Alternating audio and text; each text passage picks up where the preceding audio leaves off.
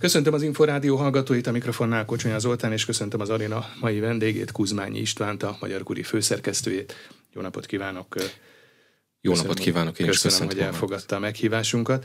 Három napos látogatásra érkezik Budapestre április 28-án Ferenc pápa, másfél évvel azután, hogy ugyancsak itt Budapesten a Hősök terén koncelebrálta az eukarisztikus kongresszus záró miséjét, és olvashattunk arról, hogy kiemelik kommentekben, hogy Magyarország az egyetlen ország, természetesen hát Olaszországon kívül, ahova Ferenc pápa másodszor is ellátogat, vagyis mondhatjuk, hogy ebből a szempontból is kivételes vagy különleges a mostani pápa látogatás, hogy másfél évvel az eukarisztikus kongresszus után ismét Budapestre, Magyarországra érkezik? Mindenképpen kivételes, mert valóban nem sokszor van egy pápa mandátum alatt hogy egy adott országba, Olaszországon kívül természetesen többször ellátogasson, de viszont a magyar sajtóban és az nálunk is a magyar kuríron hibásan is már szerepelt, hogy nem csak mi vagyunk az egyetlenek, akikhez most országlátogatásra érkezik, és korábban röviden, hiszen rövidebben, hiszen korábban Görögországban is volt már uh-huh. országlátogatáson, és Lesbos szigetén pedig egy egynapos látogatáson, illetve Kubában is volt országlátogatáson, és utána pedig, mikor egyszer az Egyesült Államokba tartott, akkor ott találkozott a moszkvai pátriárkával a kubai reptéren. De azt gondolom, hogy nem ez adja azért az utazásának a lényegét. Igen, meg hát ez a másfél év utáni visszatérés, ez nyilván azért egy eh, különleges alkalomként eh, jelezhető egyébként is. Ugye 2021. szeptemberében kifejezetten az eukarisztikus kongresszus zárómiséjére érkezett eh, hozzánk Ferenc pápa. Mondhatni egyébként, hogy ez is kivételes vagy különleges alkalom, hiszen ha jól tudom, akkor utoljára második János pápa volt jelen eukarisztikus kongresszuson, vagyis ez nem feltétlenül szokása pápai gyakorlatban eukarisztikus kongresszusokon részt venni. Na de a mostani magyarországi látogatás, ez most ugye kifejezetten és hangsúlyosan apostoli út.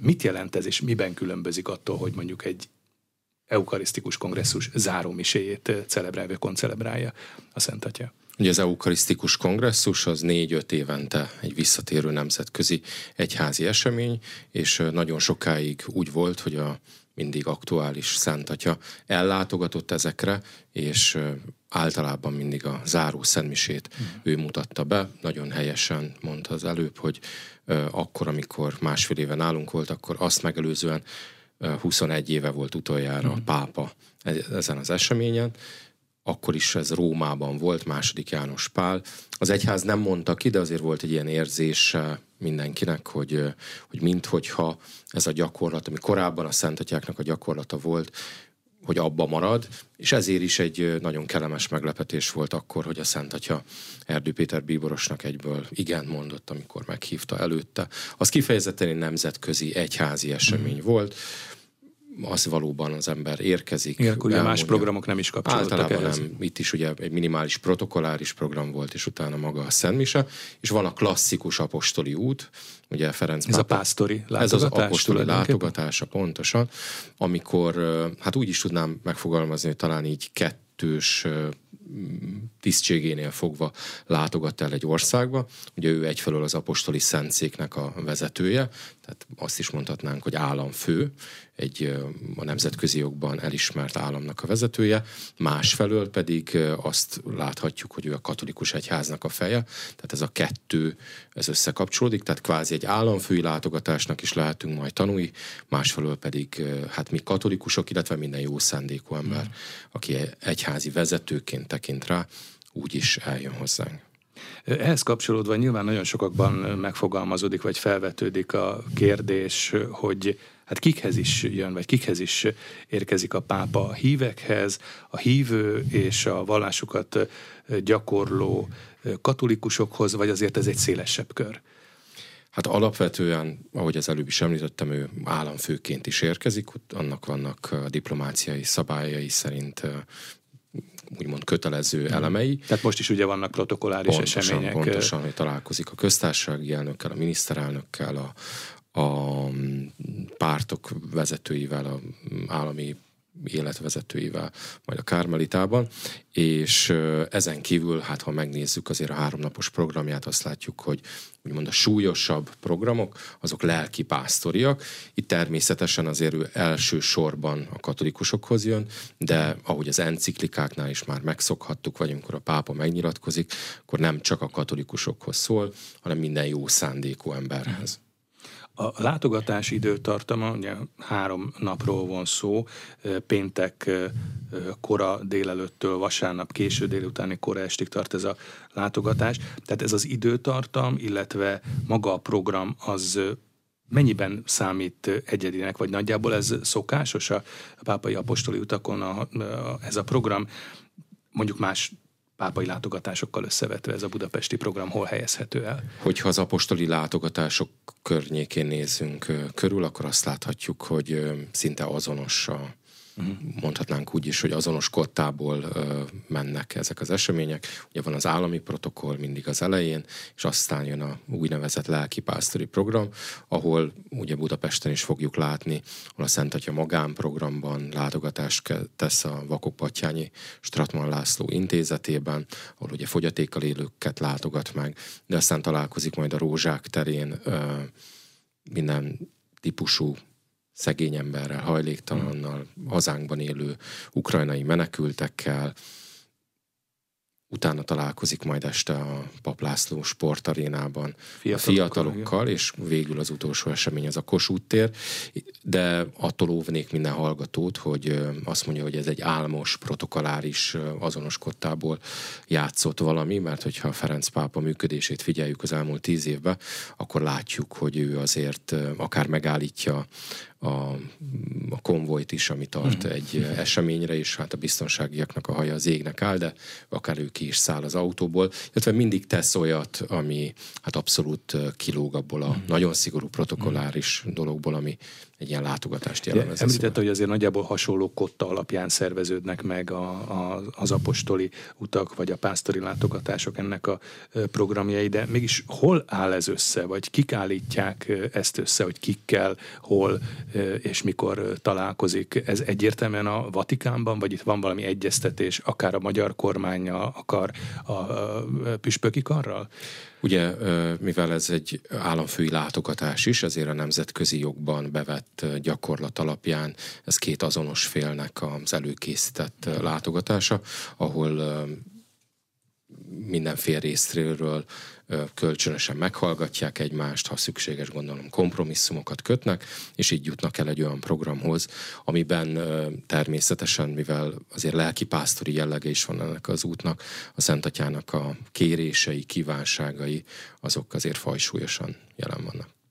Ugye említette a Budapest sportcsarnokbeli találkozót, ahol ugye fiatalokkal találkozik a mm, regisztráció alapján. Itt több mint tízezer résztvevőre számítanak, vagy több mint tízezer résztvevőt várnak erre az eseményre, vagy erre a találkozóra, és aztán ellátogat a Pázmány Péter Katolikus Egyetemre, én megkockáztatnám, hogy ez is kivételesnek vagy különlegesnek számít, mert ha jól tudom, akkor nem igen szokott a programba bekerülni az, hogy egyetemet felkeressen a Szent Atya, vagy egyetemre ellátogasson.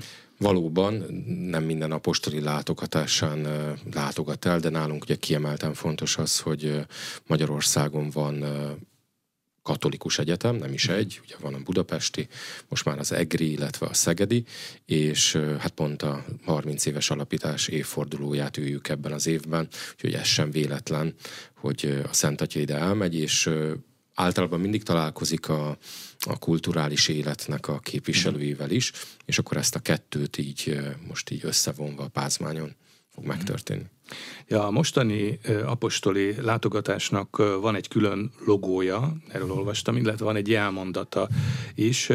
Azért talán mondjuk el, hogy a logón a Lánchíd látható vatikáni színek és a Magyar Nemzeti Trikoror színei mellett, és ennek kapcsán azért többen megemlítik azt, hogy nyilván ez utalás is lehet, hát a Lánchíd mellett ugye, hogy mégiscsak a budapesti helyszín egyik jelképes szimbóluma, de hogy nyilván utalás lehet Ferenc pápa többször hangoztatott gondolatára, miszerint a keresztények úgymond feladata vagy küldetése hidakat építeni, hidakat létesíteni szerte a világban. Tehát utalhat erre is, amellett, hogy hát nyilván Budapest egy fontos jelképe a Lánchíd. Hát abszolút erre is utal, de itt uh, ugye felmerül a kérdés legtöbbször, hogyha most uh, olvasgatjuk a magyar sajtót, hogy többen találgatják, hogy miért is jön ide a Szent Atya, kit fog megdicsérni, kit fog esetleg megbüntetni. Hát akik erre várnak, azokat el kell szomorítsam, hogy egyiket sem fogja megtenni, de ezzel együtt ő nagyon konkrét szokott lenni, és másfél évvel ezelőtt ő, amikor a Magyar Katolikus Püspöki Konferencia tagjaival találkozott, és azt követően pedig a Magyarországi Egyházak és a zsidó közösségek vezetőivel, mind a két alkalommal nagyon hangsúlyosan elénk vetítette a láncítnak a képét. Ugye mm. akkor a láncít le volt zárva, Igen. akkor is azért már a magyar politikai és társadalmi közbeszéd hát ha nem is mindig középpontjába, de a szélénnél bejebb volt ez a téma, ma is azért ez ad egy aktualitást, tehát én vannak persze véletlenek, de az, hogy a hidak városába érkezik, hogy sokszor emlegetjük Budapestet, és mindannyiunk számára egy nagyon kedves szimbólum a Lánchíd, és ő nagyon konkrétan, nagyon szépen beszél a Lánchídról, úgyhogy én azt is mondanám a hallgatóknak, hogy ebben érdemes belekapaszkodni, amikor azon gondolkozunk, hogy vajon mit üzen nekünk a Szent Atya, hiszen tudjuk, hogy másfél évvel ezelőtt pont a Lánchíd kapcsán arról beszélt nekünk, hogy a Lánchíd mindig két partot kapcsol mm. össze, hogy nekünk is híd építőkké kell válnunk, hogy a Lánchíd láncokból áll, mi vagyunk azok a láncok, amik alkotjuk ezt a hidat, és hogy valóban az emberi testvériség, és ugyancsak a békét is hangsúlyozza már akkor, legyünk ennek az építői. Mondja ezt úgy a Szent Atya, hogy van egy másik vonatkozása is a hídnak, ami az ő egyik titulusát is jelképezi, ami a római császárok korától mindenkori pápának, azaz most Ferenc pápának is az, az egyik titulusa. Az van kiírva mindenhol, hogy ő Pontifex Maximus, és Pontifex azt jelenti, hogy ő hídverő. Uh-huh. És azt tudnám mondani, hogy ha ezt a kettőt, hogy ő hídverő egyfelől, másfelől pedig a Lánchíd van valahogy a középpontban jelenleg uh-huh. az utazásában, hát ő valóban azért jön uh-huh. ide, hogy ő hidat verjen az ég és a föld között, a jó Isten és az emberek között, illetve hát azért arra is buzdít bennünket magyarokat, akik azért nagyon sokszor akár a politikai közbeszédünkben, akár a, az egymás közötti meghallgatásainkban, hát bizony nem vagyunk sokszor túl jók, hogy bizony-bizony mi is legyünk ilyen hidépítőek. Tehát akkor azért meg annyi utalás kiolvasható ebből a logóból, azért idézzük fel a, a jelmondatot is, az apostoli látogatás jelmondatát, ez úgy szól, hogy Krisztus a jövőnk. Hát nyilván egyfajta lelki ösztönzés, a keresztény értékrend továbbvitelének, megerősítésének a gondolata mindez, de az az érdekes, hogy szinte ehhez kapcsolódik a Szentszéki szóvívő Vatikánban tartott tájékoztatóján úgy fogalmazott, hogy ez a magyarországi vagy budapesti apostoli út üzenete az egyértelműen a jövőről, a reményről és a nyitottságról szól. Tehát ez nagyon szorosan kapcsolódik valóban ehhez a jelmondathoz, és azért tegyük hozzá, hogy talán abból a szempontból is különleges a látogatás, hogy egy fontos liturgiai időszakra esik, hiszen röviddel vagyunk húsvét után, és hát nem olyan sokkal pünkösd előtt. Tehát ez egy időpontját tekintve is talán egy fontos időszak lehet. Hát igen, az egyházban valóban a legfontosabb ünnepünk az húsvét ünnepe, hiszen minden vasárnap a Szentmisében Krisztus feltámadását ünnepeljük, de itt is, ha szabad, akkor visszautalnék arra, mert hogy tényleg nagyon sokan tapogatóznak, hogy milyen üzenettel jön most a pápa, és én, ha visszanyúlnék a másfél évvel ezelőttihez, ugye a Kossuth téren, amikor tartotta a Szentmisét, akkor pont az az evangélium volt, amikor az apostolok arról, ő arról kérdezi az apostolokat, hogy kinek tartják ők az emberek Jézust, és akkor hát ez felénk is kérdés, hogy mi kinek tartjuk Jézust, hogy valóban reményünkként tekintünk rá, valóban jövőnkként tekintünk rá, és hozzáteszi, hogyha az egész prédikációt egy mondatba kellene összefoglalni, hogy ne csak csodálói legyünk Jézusnak, hanem cselekedeteinkkel követői is. És azt gondolom, hogy ezt, hogyha nagyon le akarom egyszerűsíteni egy szóba, akkor azt tudom mondani, hogy megtérésre hív bennünket, ami egy vallásos embernek, hát azt mondhatom, egy élethosszig tartó feladat. Ja, ha üzenetekről beszélünk, illetve arról, hogy miről is beszélhet majd Ferenc pápa a budapesti látogatása során, akkor megint visszatérnék a Szentszéki szóvivő tájékoztatájához és az ott elhangzottakhoz, mert ő utalt arra, hogy hát néhány száz kilométerre leszünk Ukrajnától, tehát vélhetően foglalkozni fog Ferenc pápa a háborúval, és felemeli szavát beszédében a békért. Azért mondhatni, hogy, hogy a Szentszék, illetve Ferenc pápa személyesen is nagyon határozott és koherens álláspontot képvisel már a háború kezdete óta. Ebben. Abszolút, abszolút. Sőt, hogyha visszatekintünk a másfél évvel ezelőtt elmondott szavaira, akkor ott is a Szépművészeti Múzeumban külön kihangsúlyozta a békére való törekvést, pont hát az egyik legkedvesebb költőnket hozta elénk példaként Radnóti Miklóst, és azokat a verseit idézte, amiket a munkaszolgálatos táborában írt a feleségének, és tudjuk, hogy sajnos mi lett ennek a vége, és erre hívta fel a figyelmünket, hogy legyünk békesség keresőek, és biztosak lehetünk benne, hogy akár csak, ha a legutóbbi Urbi et Orbi beszédére emlékszünk, amit húsvét vasárnap mondott el, hogy kiemelten az első helyen foglalkozott Ukrajnával, és hogy vannak-e véletlenek, azt nem tudom, de hogy pont ma, amikor ide indultam, akkor kaptuk a Szentszéktől a híradást, hogy Ukrajna miniszterelnökével találkozott, és fogadta, és úgy fogalmazza a Szentszéki közlemény, hogy szívélyes megbeszélésen voltak, ahol mm. természetesen áttekintették az ukrajnai helyzetet, és holnap ő repülőre ül, és reményeink szerint 10 óra 10 perckor landol Budapesten. Igen, és hát hogyha megnézzük a, a budapesti programot, akkor abban is szerepel talán már ugye utalásként el is hangzott, hogy ukrán menekültekkel is találkozik majd családokkal, illetve a katolikus karitatív szervezetekkel, akik éppen a, a magyar-ukrán határon vagy Kárpátalján nyújtanak segítséget, és ott tevékenykednek. Egyébként azt hogy látja, hogy bármifajta ilyen közvetítés, már hogy így, hogy ugye ukrán miniszterelnökkel találkozott, hogy háborús felek közötti bármilyen közvetítés az az mennyire lehet eredményes például a Vatikán részéről? Egyáltalán milyen mozgástere lehet a Vatikánnak és a Szentatyának ezen a téren? Egyáltalán, ha ettől elvonatkoztatunk a mostani konkrét helyzettől, nemzetközi konfliktusok rendezésében lehet, és mi lehet a szerepe például a Vatikánnak? Hát ugye van ez az elhíresült mondás, amit Stalinnak tulajdonítanak, hogy hány hadosztálya van a Szentszéknek, hát ugye egy sem, de ugye ez egy téves utalás, mert ezt valójában Napóleon mondta, de nagyjából hasonló cinizmussal gondolom én.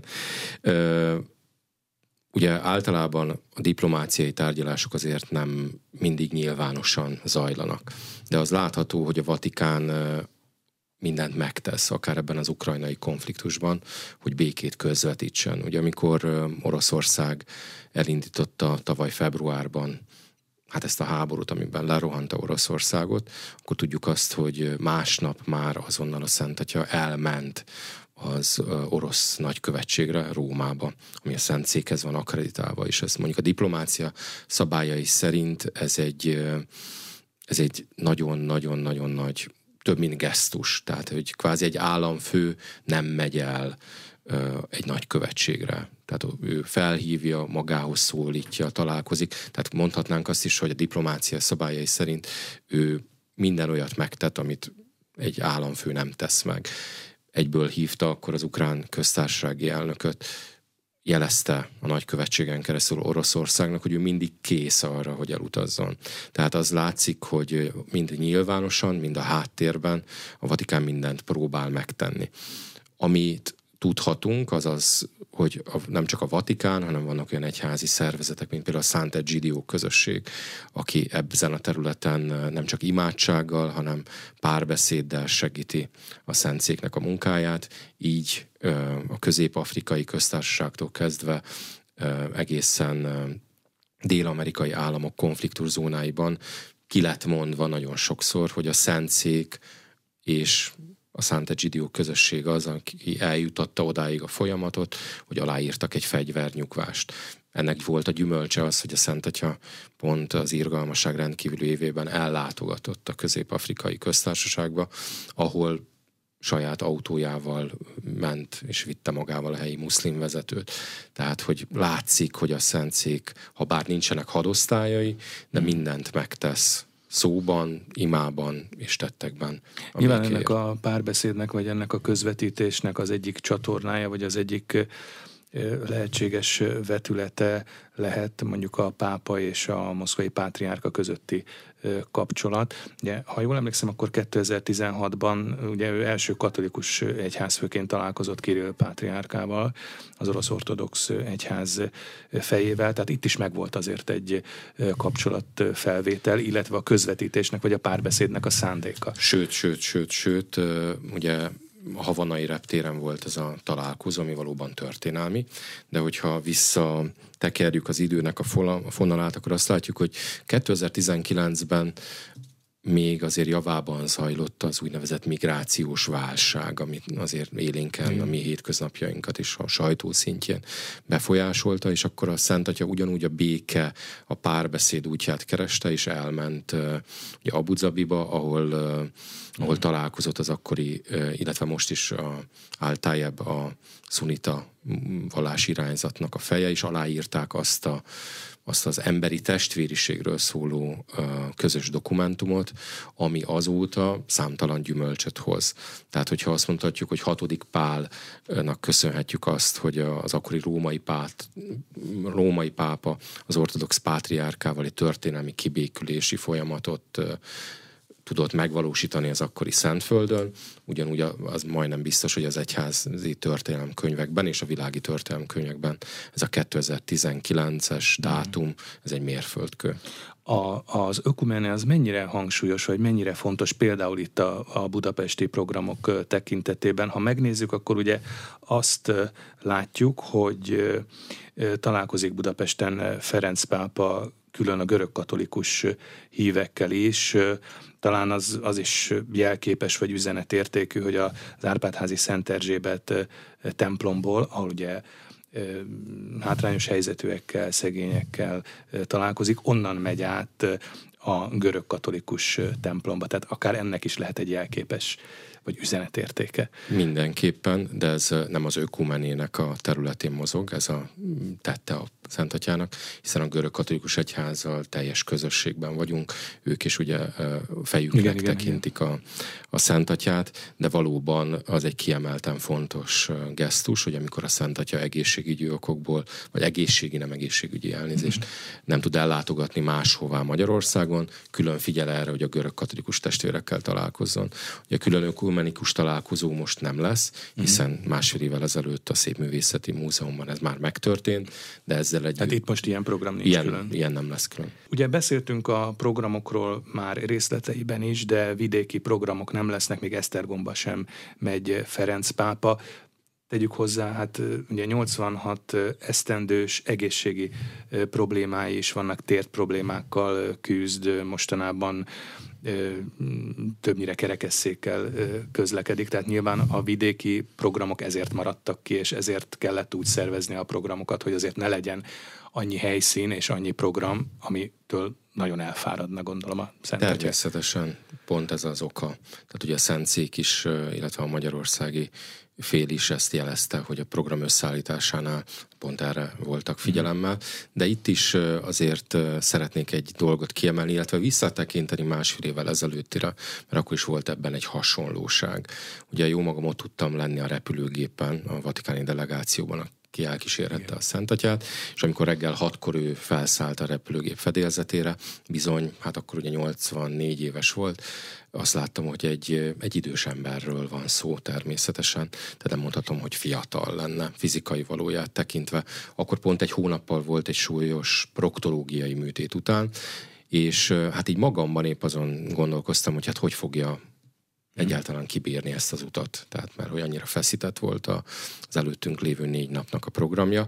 És hát azt láttam, hogy mikor meg visszaszállt Budapesten a gépre, akkor hát egy jelképesen mondva egy méterrel volt a fedélzet fölött, hiszen Szentatyánknak az egy nagyon jól látható emberi tulajdonsága, hogy nagyon szeret emberek között lenni, nagyon mm. szereti a gesztusok nyelvét, és nem csak ő szereti ezt, hanem abszolút visszahat rá az, hogy akikkel találkozik. És ugye a Covid járványnak a vége felé jártunk, amikor másfél éve idejött, egy olyan ember, aki másfél évig nem találkozhat úgymond nagyszámú hívősereggel, eljött Budapestre, ragyogó kék volt az ég, nagyon sokan voltunk, hál' Istennek a hősök terén, tehát ez oda-vissza hatott a Szentatyának, és amikor tértünk hazafele Rómába, akkor egy amerikai újságíró viccesen meg is kérdezte, hogy hát Szent Atya jobban néz ki, mint korábban, hogy adja már meg az orvosának a számát,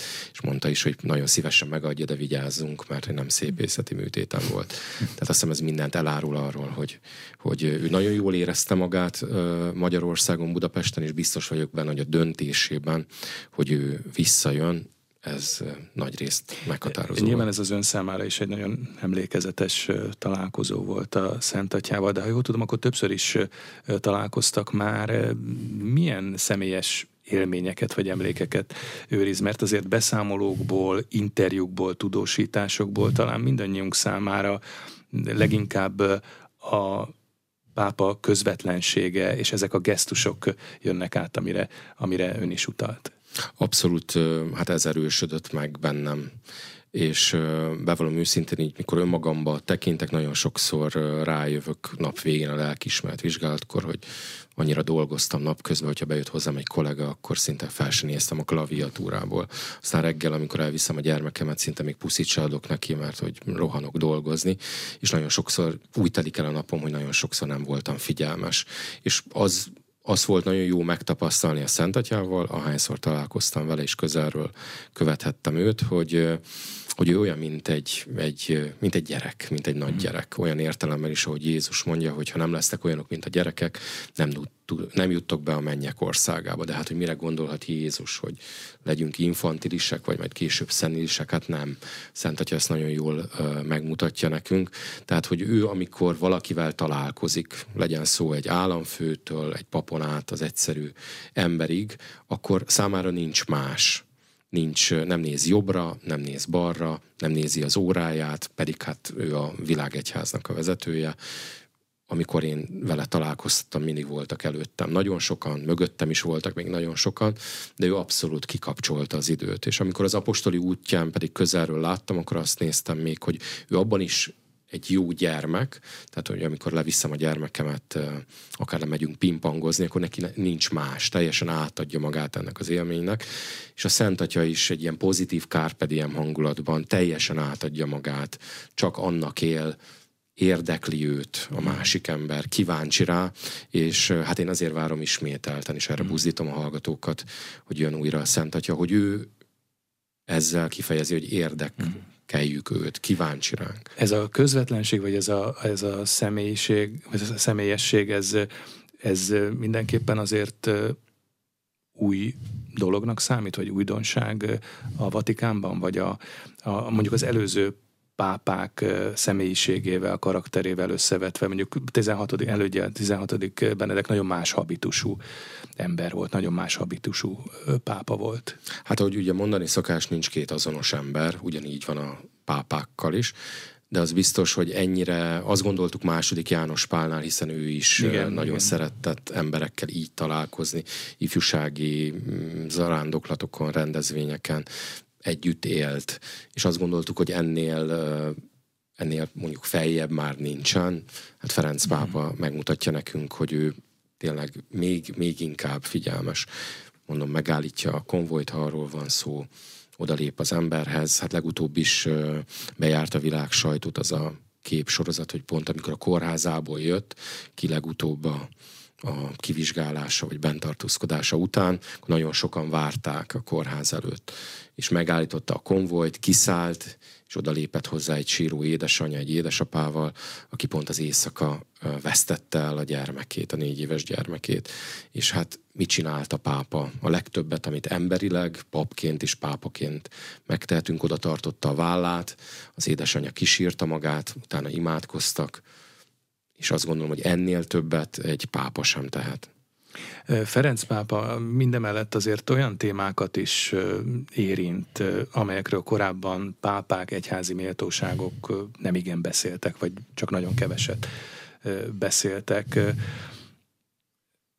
Ferenc pápa válaszol, ezzel a címmel készült a közelmúltban egy dokumentumfilm, ahol, ahol tíz fiatal beszélget, nagyon ugyanebben a közvetlen stílusban és közvetlen hangulatban, és egyébként hát a legkényesebbnek számító kérdésekről nagyon nyitottan és nagyon szabadon. Nyilván, hogyha ha megnézzük, akkor nagyon sokak körében talán éppen ebből adódóan, vagy ennek következtében nagyon népszerű is lett Ferenc pápa. Mások viszont mindezt talán nem feltétlenül így interpretálják, és inkább mondjuk negatív következtetéseket vannak le ezzel kapcsolatosan. Törvényszerű gondolom, hogy ez így van. Abszolút, abszolút. Szerintem nagyon fontos Ferenc pápának a tíz évét, hogyha megnézzük, hogy... Igen, pont is... most volt, ugye márciusban volt a tíz éves évforduló. Pontosan, Szent József ünnepén, hogy mi az a, a központi gondolat, amihez ő mindig-mindig visszatér. És ez a központi gondolat már az első nyilvános prédikációján elhangzik, ahol Szent Józsefet állítja elénk, mint kusztost, mint őrzőt, mint védelmezőt, és azt mondja, hogy nekünk őrzőnek, védelmezőnek kell lennünk a teremtett világ felé, egymás felé is. És aztán nagyon-nagyon sokszor visszatér ehhez a gondolathoz úgy, hogy a leselejtezés kultúrájáról beszél.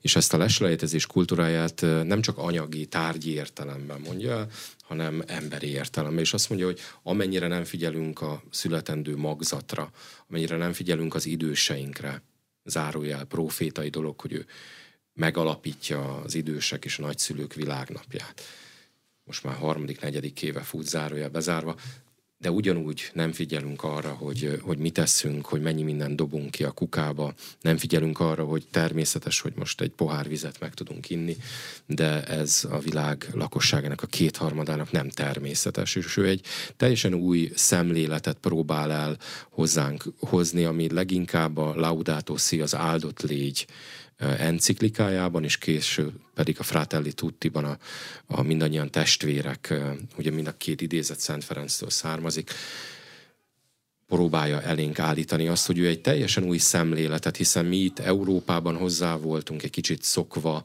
hogy belekényelmesedünk abba, hogy nekünk minden természetes, ahogy ez a pohárvíz természetes, és nem figyelünk, elfordítjuk a fejünket, hogyha máshol valami történik a világban, és ő kvázi nem nyugatról, hanem délről érkezik a világ glóbuszára tekintünk, és ő azt mondja, hogy ha nem figyelünk oda egymásra, hogyha egy eldobható termékként figyelünk, és elfordítjuk a fejünket, akár a migráció esetében, akár bármilyen más esetben, vagy egy környezeti katasztrófa esetében, vagy nem figyelünk arra, hogy túlfogyasztás van, hogy, hogy figyeljünk már arra egy picit jobban, hogy, hogy nem az a lényeg, hogy most műanyag zacskóba vesszük, vagy, vagy nem műanyagba. Persze ez is a lényeg, de hogy jó lenne, hogy tényleg szükségünk van arra, hogy ennyit fogyasszunk.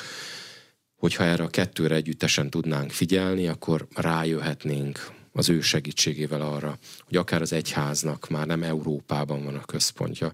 Az egyháznak a központja már jelképesen mondva nem is Róma, nem is az apostoli palota, hogy arról is ment a vita, hogy ő miért költözött ki onnan, hanem az egyháznak a központja és a szíve nem más, mint Jézus Krisztus, akinek a jegyében ő ugyanúgy Magyarországra jön, és próbál bennünket kézen fogni, és elvezetni bennünket a gyökereinktől, a hagyományainktól kezdve odáig, hogy közelebb lépjünk együtt Istenhez és hát egymáshoz.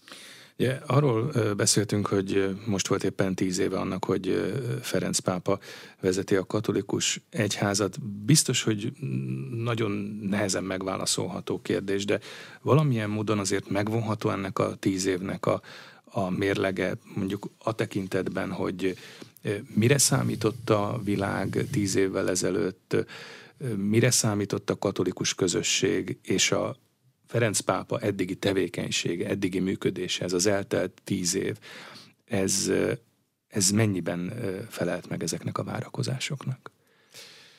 Hát, hogy a várakozások, tehát kiben milyen várakozás volt, hát visszautalnék arra, amit azt talán ebben a stúdióban Tölgyesi Péter mondott, hogy sajnos a ma emberének az jelenti az igazságot, ami megegyezik az előítéleteivel. Tehát, hogy van, aki így néz Ferenc pápára, és van, aki úgy néz Ferenc pápára, de jó lenne, hogyha ugye úgy is szoktuk mondani, hogy buborékokban élünk, hogyha ezekből kimozdulnánk. Tíz év alatt szerintem nehéz azért hosszú távú következtetéseket lemondani, akár az egyház történelmében is legalább száz évnek el kell tenni, hogy kiderüljön valakiről, a munkásságáról, a teológiájáról, a tanításáról, hogy ő egy épületnek mondjuk egy jelentős tartóoszlopa, vagy egy nagyon szép színes festménye jelképesen. Tehát, hogy ezt most még jelenleg nem látjuk, de biztos vagyok benne, hogy látunk fontos sarak köveket. Az egyik az ez, hogy ő profétai módon kvázi rálátott arra, hogy, hogy tovább így nem élhetjük az életünket, hogy pazarlunk, hogy többet fogyasztunk, mint amennyi kell, mm. hogy a másik ember bajától legyen az afrikai vagy háború által sújtott, elfordítjuk a fejünket.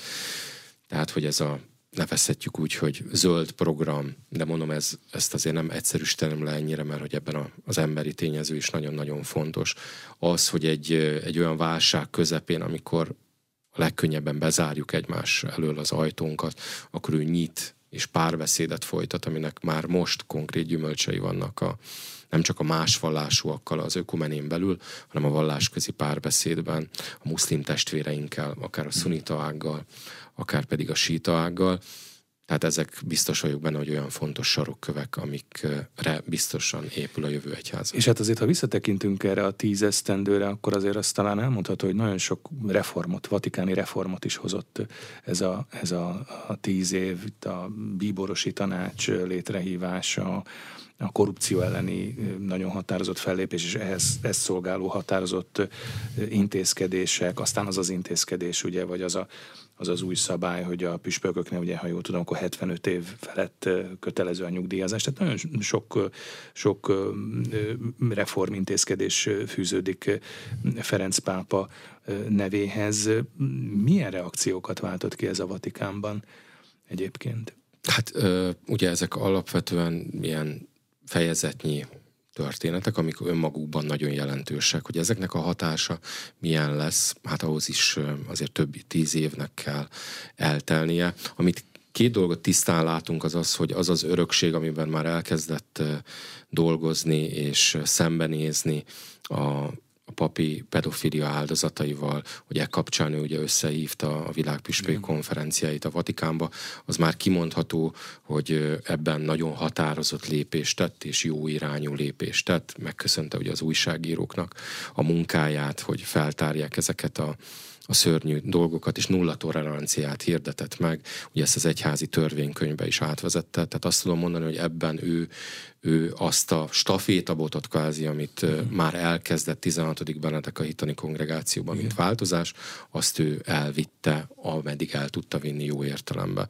A másik pedig hát ugye egy abszolút nem várt krízis helyzet tört ránk úgy is tudnánk fogalmazni, hogy akkor mindenki katolikus volt, abban az értelemben, hogy egyetemes volt, mindenki mm, Japántól, Kínán át, Amerikáig a koronavírus járványtól szenvedett, hogy ott is nagyon sokáig gondolkozott a világ sajtó, hogy mit fog lépni a pápa, mit fog lépni az egyház.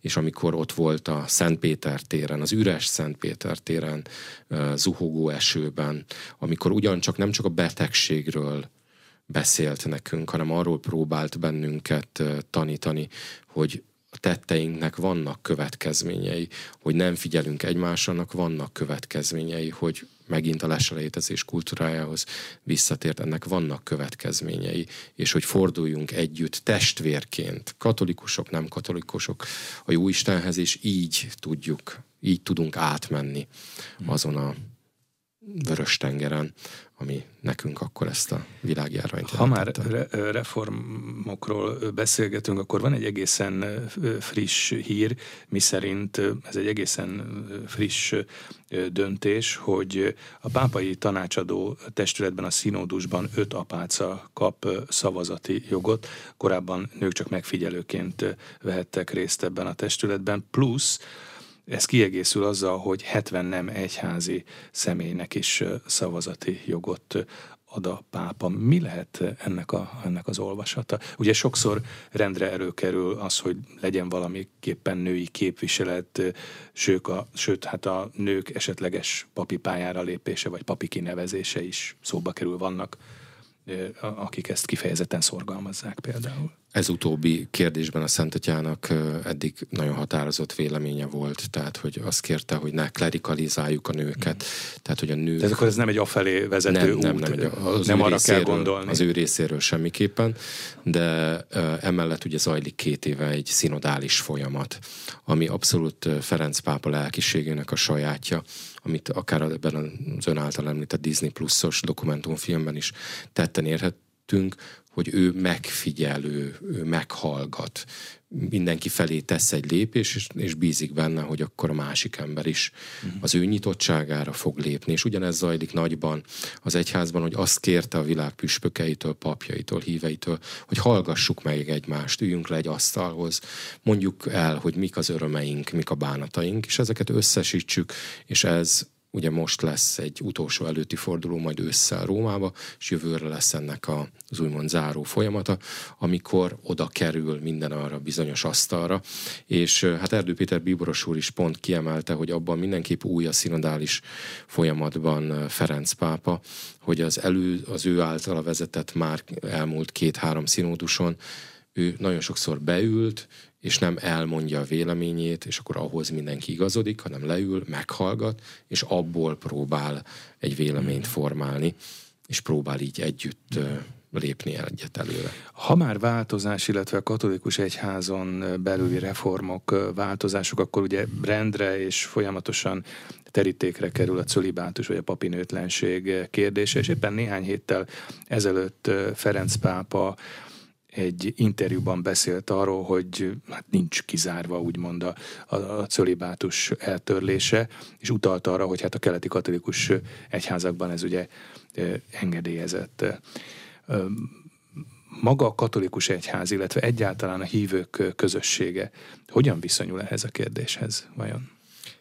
Ugye nagyon fontos az a második dolog, amit említett, és hogy akkor mondanám is, hogy amikor a görög katolikus testvéreinkkel fog találkozni a Rózsák terén, ott a kapuban a helyi plébános Jackó Sándor fogja őt köszönteni, ő várja a kapuba Kocsis Fülöppel, és Jackó Sándor egy családos ember, igen, vannak igen. gyermekei, tehát azt tudjuk mondani, hogy a katolikus egyházban, a görög katolikus rész, de akár a maronita rész, tehát ott a kezdetektől ez a gyakorlat. A katolikus egyház a római részben ez másképpen alakult, vannak róla viták, hogy ez a negyedik században, vagy hmm. később vált kristálytisztává, hogy úgy döntött az egyház, hogy csak azokat szenteli fel diákonusnak, papnak, meg püspöknek, akik cölibátusban élnek. Ez a püspökök esetében egyértelmű, a görög maronita más ritusúaknál is, a diákonusoknál a második Vatikán zsinat visszahozta, azt jó magam is közéjük tartozok, hogy megnősülhetnek, és utána így fel lehet őket szentelni diákonatusra, diákonosi szolgálatra. A papi rendben viszont továbbra is az egyháznak az a véleménye, ez nem egy dogma, tehát ezt akár meg lehet változtatni, de hogyha körbenézünk, akkor azt láthatjuk, hogyha, hogyha ezt csak egy statisztikai okból tennénk meg, és erre a Ferenc pápa is felhívja a figyelmünket, akkor semmiképpen se lépjünk mert hogyha körbenézünk, akkor azt látjuk, hogy ha bár a görög katolikus testvéreinknél, akár a református vagy evangélikus testvéreinknél is ott lehet házasságot kötni, de ez számbéli dolgot nem old meg, hiszen ugyanúgy kevés papjuk van a reformátusoknak is.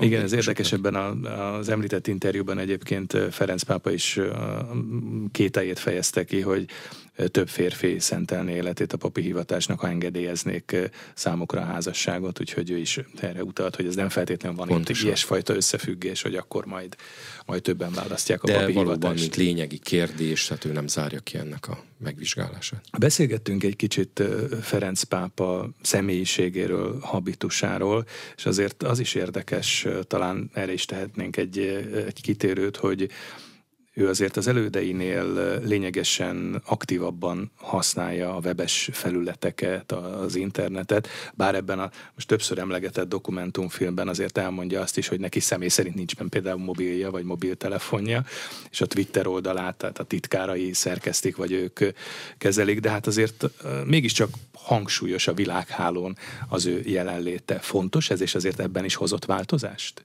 Mondjuk elsősorban talán ugye a fiatalok elérése, vagy a fiatalok felé nyitás Ugye nagyon sokszor beszélünk arról, hogy változást hoz-e az ő pontifikátusa, abban biztosak lehetünk, hogy van egy folytonosság az elődeihez képest ebben a kérdésben is, hiszen ha csak a Twitterre nézünk, akkor azt látjuk, hogy ez 16. Benedek pápa döntése volt, akkor uh-huh. egyébként lehet tudni, hogy a kuriális uh-huh tanácsadói erről próbálták lebeszélni, de ő azt mondta, hogy jelen kell lennünk ott, ahol a ma embere él, és olyan nyelven kell hát akkor ez már ott elkezdődött, ez, már ez a hangsúlyosabb jelenléte. És ugye Igen. azóta ez aztán végképp a mi életünkben is még hangsúlyosabb lett, és természetesen a Szent Atya és a vatikáni, mondhatjuk úgy is, hogy teljes gépezet próbál jelen lenni, megpróbálja megjeleníteni Ferenc pápát, azt láthatjuk, hogy ő abszolút nem jön zavarba, hogyha valaki azt mondja, hogy csinálhat-e vele egy selfit mondjuk, tehát ő ennek abszolút és, és mondjuk ő abból a szempontból nagyon alkalmas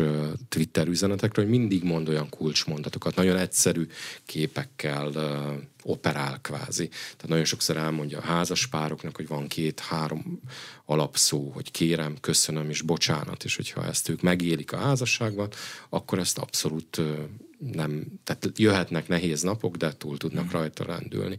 Vagy nagyon sokszor beszél arról, mint jezsuita, hogy jó lenne a bennünk lévő három nyelvet ne kevernénk össze, az ész nyelvét, a száj nyelvét és a szív nyelvét. Tehát, hogyha valamit szeretnénk a szívünkben, de azt mondjuk, hogy bizonyos megfontolásból mást mondunk egy másik embernek, vagy valamiről másképpen gondolkodunk, mint amit a szívünk diktál, tehát ha ezt a hármat így összhangba tudjuk hozni, mm. akkor, akkor tudunk boldog, Krisztus követő emberek lenni. Tehát ő mindig segít bennünket ezekkel a nagyon egyszerű képekkel, és azért vagyunk neki hálásak, hogy, a láncidat mm. ide hozta nekünk már másfél éve, és hát úgy tűnik, hogy ezt... Készültek ilyen összesítések, és ebben én azt láttam, hogy az április 28-án pénteken kezdődő háromnapos magyarországi pápa látogatás, ez a 41. nemzetközi útja Ferenc pápának. Ha megnézzük a látogatásait, akkor a világ mely területeire fordított különös figyelmet, mondjuk ebben a, a tíz esztendőben. Mert hogy, mint többször is utalt rá, olyan helyekre látogat, ahol úgymond tennivalója van. Tehát ezek szerint akkor ide csatolhatjuk Magyarországot is. Ö, ezt így nem merném azért kijelenteni. 56 országban járt eddig Magyarországgal együtt, és uh-huh. tényleg azt mondom, hogy nagyon-nagyon-nagyon színes a paletta, tehát az Egyesült Államoktól a Európai Unió központján keresztül Közép-Afrikáig, vagy legutóbb Dél-Szudánban, kicsi öbölmenti államban is járt már Dél-Amerikában. Tehát azt látom, hogy mindig, mindig van egy, egyfajta gondolat, de amikor őt általában megkérdezik, hogy miért dönt úgy, hogy ellátogat egy országból, nagyon sokszor nagyon egyszerű választ ad. Tehát például, amikor megkérdezték, hogy miért hirdette meg az irgalmasság rendkívüli évét, akkor azt mondta, hogy hát mert kaptam egy könyvet Walter Kasper Bíborosról, tól, ami pont az irgalmasságra szól, és akkor homlokomra csaptam, hogy mennyire jó lenne erre az isteni értékre egy picit jobban ráfigyelni, és meghirdettem az irgalmasság szentévét. Legutóbb kérdezték, hogy miért ment Irakba. Ott is mindenki mondta, hogy biztos azért, hogy keresztény üldözés volt, és hogy megerősít őket. És valóban mondta, hogy ez is ott van köztük, de ott is előjött az, hogy az egyik pabbarátjától kapott egy könyvet, ami szólt az iraki helyzetről, és ez megindította a szívét, és úgy döntött, hogy ellátogat Irakba. Tehát nagyon sokszor szeretjük egy picit túl bonyolítani a válaszokat, Ferenc pápa úgy működik, hogy ő nagyon-nagyon egyszerűen válaszol, ahogy megtapasztalhattuk azt, hogy amikor Csíksomjóból hazafele tért, annak a rendkívüli helyzetnek, időjárási helyzetnek az okából, hogy nem Csíksomjú közelében tudott leszállni a gép, hanem Marosvásárhelyen, onnan végigment a gyönyörű szép erdélyi tájon, és egy életre megragadta azt, hogy milyen gyönyörű szép, hogy velünk magyarokkal együtt ünnepelt, és amikor először bemutatkoztam neki, és mondtam, hogy Erdély vagyok, akkor egyből ezt válaszolt, hogy milyen jó volt együtt ünnepelni hmm. Csíksomjon. És az április 28-án pénteken háromnapos látogatásra Magyarországra, Budapestre érkezik Ferenc pápa. Ennek kapcsán beszélgettünk az elmúlt órában Kuzmány Istvánnal, a Magyar Kurír főszerkesztőjével. A beszélgetés elkészítésében Tatár Tíme, Ilis László felelős szerkesztő és Módos Márton főszerkesztő vett részt. Én Kocsonya Zoltán voltam. Köszönöm, hogy velünk tartottak.